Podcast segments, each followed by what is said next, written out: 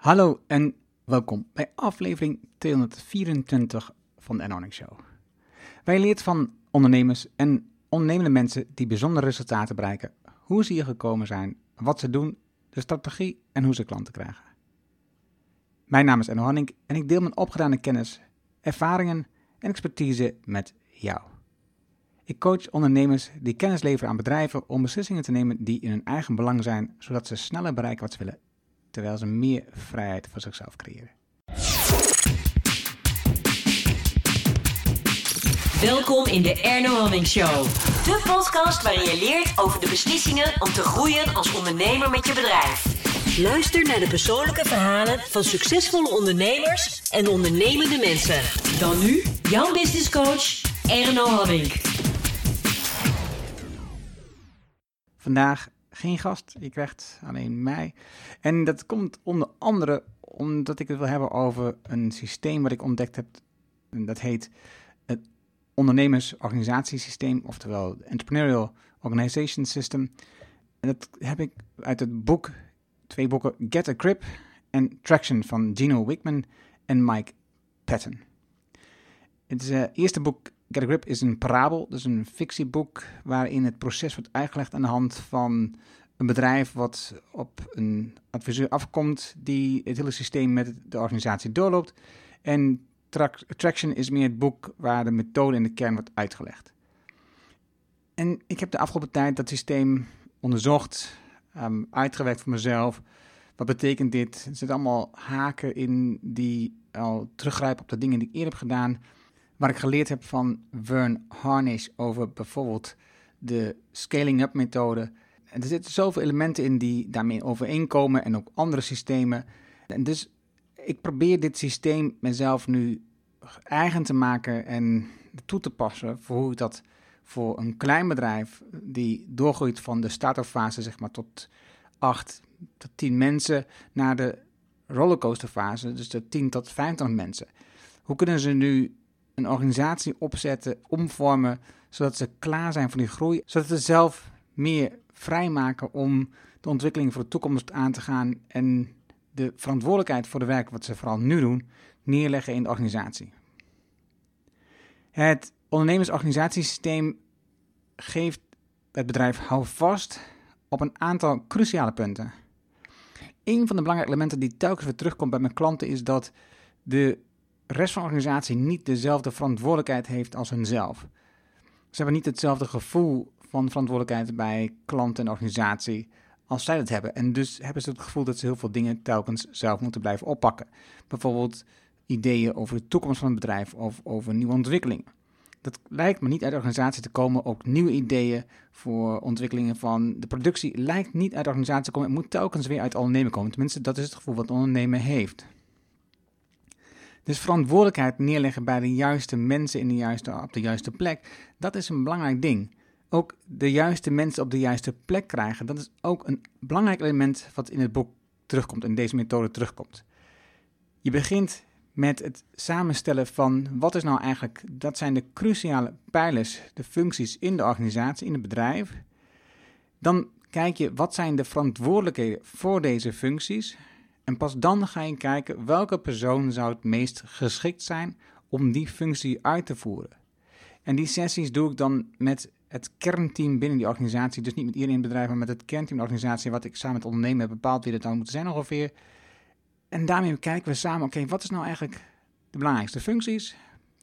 En de kern van de functie is eigenlijk heel simpel. Um, het product wordt verkocht, dat doet marketing, sales. Het product wordt gemaakt, geleverd, dat is de operatie. En als laatste zorg je ervoor dat je betaald krijgt. En dat is het financiën gedeelte. Dus onderin heb je drie blokken marketing, sales, operatie en financiën. Daarboven zit nu meestal de ondernemer. De ondernemer is een visionair. In de meeste gevallen wat ik tot nu toe heb meegemaakt. En de visionair is iemand van de grote lijnen van de toekomst, van de visie. En niet zozeer van de details van de dagelijkse zaken. Dat doen ze nu wel. Maar daarin zijn ze niet het meest gelukkig. Dat hebben ze al heel lang gedaan. En dat is wat hen op dit moment niet meer uh, de energie geeft. En wat slim is om te doen, is er iemand tussen zetten, een, een tweede persoon. En in dit boek heet dat dan de integrator. En de integrator is eigenlijk een persoon die tussen de ondernemer en de organisatie staat, die ervoor zorgt dat de organisatie ontwikkelingen kan afwaken, afmaken die de ondernemer al eerder bedacht heeft. En dat niet telkens een nieuwe ontwikkeling van ondernemer weer in de organisatie wordt geduwd, terwijl de vorige nog niet is uitgewerkt. De integrator is een persoon die de discussie aangaat, durft aan te gaan met de ondernemer. De meeste mensen in de organisatie durven dat niet en zeggen al snel ja als de ondernemer het vraagt. Dus de integrator is een belangrijke functie die voor vandaag ervoor zorgt dat de organisatie draait. Maar ook luistert naar ondernemer van wat zijn de dingen die in de toekomst moeten gebeuren. En de ondernemer is vooral veel op pad, praat met klanten, met, in zijn netwerk en gaat op zoek naar ontwikkelingen voor de markt en voor het bedrijf. Een belangrijk element wat ook terugkomt in het boek, en dat is bijvoorbeeld ook iets wat heel erg terugkomt in Werner Hans Scaling Up, is het overlegritme. Dat je regelmatig op een vaste tijd en vaste momenten overleg hebt. In dit geval is het elke week één overleg en je hebt elk kwartaal een overleg. En dat zorgt ervoor dat je gaat werken in kwartaalritmes en dat je dus 13 weken een kwartaal hebt. Waarbij je dus een systeem krijgt waarbij je met elkaar overlegt. Dat lijkt in het begin, klinkt het als ontzettend veel overleg. Maar het grappige is wat er dus nu al gebeurt, is dat er, wordt al veel overlegd. Er is heel vaak korte momenten waarbij de ondernemer met individuele mensen vaker spreekt. Telkens weer zijn idee probeert neer te leggen bij verschillende mensen. En het blijft niet hangen. Het beklijft niet bij de mensen. Daar lijkt het op dit moment op. Het overleg met de verantwoordelijke mensen op de juiste plekken zorgt ervoor dat je afspraken met elkaar maakt en dat telkens weer helder krijgt. Een van de andere elementen in het verhaal is dat je ook dingen doet, cijfers hebt waarmee je een vinger aan de pols houdt. En je kijkt eigenlijk niet terug naar de omzetcijfers van het afgelopen jaar of wat dan ook. Dat is allemaal dat is historie. Het belangrijkste is wat speelt er op dit moment in de organisatie? Welke projecten, welke opdrachten, welke leads zijn er? Wat zijn de getallen die ervoor zorgen dat je als kernteam een vinger aan de pols hebt over hoe het op dit moment in de organisatie gaat draaien en ook wat je een verwachting hebt dat je een omzet kunt schrijven op termijn. Daarnaast zorgt het systeem ervoor dat je de visie die de ondernemer eigenlijk al heeft, duidelijk wordt voor iedereen in het bedrijf. Je gaat hem op papier zetten, je gaat hem met elkaar bespreken, je gaat hem aanscherpen zodat iedereen ook de verantwoordelijkheid kan nemen om die visie, om aan die visie mee te werken, om mee te werken aan de focus van het bedrijf. Je maakt ook keuzes voor wie je werkt en wat je daarin onderscheidend maakt. En dit gebruik je weer in je marketing en communicatie. Ze hebben een bepaald model, um, het visie-tractiemodel, waarbij je acht vragen beantwoordt die scherp zetten waar je als ondernemer voor staat, waar je als bedrijf voor staat, wie je helpt, wat je doet en hoe je dat gaat communiceren. Ik ben er mee gestart door, ik kwam, ik weet niet, precies eigenlijk hoe, uh, in aanraking met het boek. Ergens kwam het, denk ik, in een podcast tevoorschijn. Ik weet niet precies waar het vandaan kwam. En ik, ik werd um, nou ja, geraakt, dat boek. Ik, ik vond het interessant. De parabel is een beetje zwak. Maar voor mij ging het om de kern, de kern van het systeem, waarvan ik dacht, oh, dit is eigenlijk precies het probleem waar dit soort ondernemers mee worstelen op dit moment. Ze worstelen met, hoe krijg ik nu de verantwoordelijkheid van alle dingen die ik op dit moment doen ben, het grootste wat ik niet meer wil doen, in die organisatie en laat ik hem ook daar, zodat ik meer ruimte krijg om te werken aan de toekomst van het bedrijf. Nou, dit model, de organisatiestructuur, spreekt, als ik met die klant van mij spreek over dit, deze structuur, direct aan. Ze zien direct de kansen en de mogelijkheden van dit model. En zeker als we daarna ook nog de stuuruitleg van het overleg en alle stappen daarin, dan schrikt ze misschien ietsje terug, maar toch, ze snappen waarom dit belangrijk is voor de andere mensenorganisatie om dit goed te structureren en goed vast te leggen. We zijn begonnen met een paar klanten met een introductie. En het kernteam, daarvan hebben we al twee jaar gezegd, we gaan beginnen. Eén is al begonnen. De andere staat gepland en bij een andere is de introductie gepland en bij een, weer een volgende gaan we de introductie binnenkort doen. Ze zijn zeer enthousiast over het idee. Uh, we beginnen nu met invoeren. Ik begin nu met invoeren met deze klanten. Uh, het helpt om als ondernemer betere beslissingen te maken, waardoor jij de ruimte krijgt om te werken aan de toekomst van je bedrijf.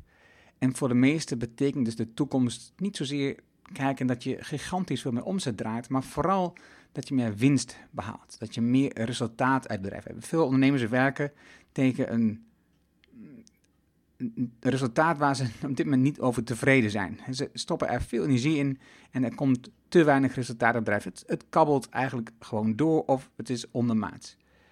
Dit systeem zorgt ervoor een structuur krijgt waarbij je zelf de rust en ruimte krijgt om te denken aan de toekomst, producten maken, vaste structuur ontwikkelen, nieuwe klanten binnenhalen, goede projecten binnenhalen die veel opleveren, veel meer opleveren dan je gewend bent. En te kijken naar wat loopt er de komende tijd, zodat je minder in pieken en dalen werkt. Dat zorgt er uiteindelijk voor dat je meer resultaat overhoudt met je bedrijf en dat er meer stabiliteit is in het bedrijf. En dat is waar deze ondernemers aan zoek zijn. Dat het, het werk en de toekomst van het bedrijf minder afhankelijk is van hun. Niet onafhankelijk, maar minder afhankelijk is van de ondernemer. En als je de verkeerde mensen om je heen hebt, dan moet je altijd hard werken.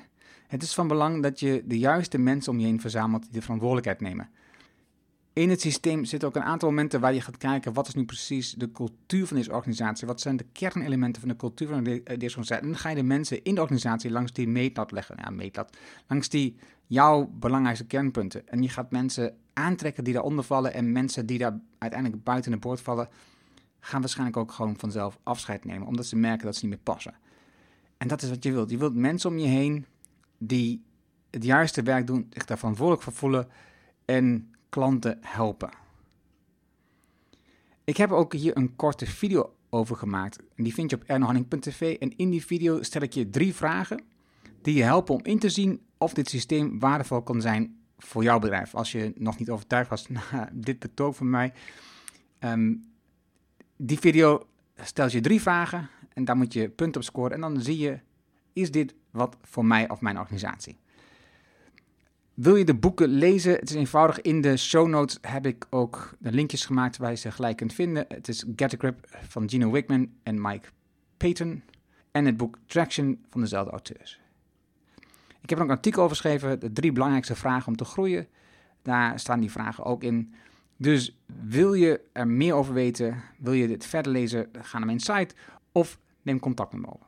Je vindt de links en de namen die ik hiervan noemde in de show notes die bij deze uitzending horen. Daarvoor ga je naar ernohanning.nl slash show 224.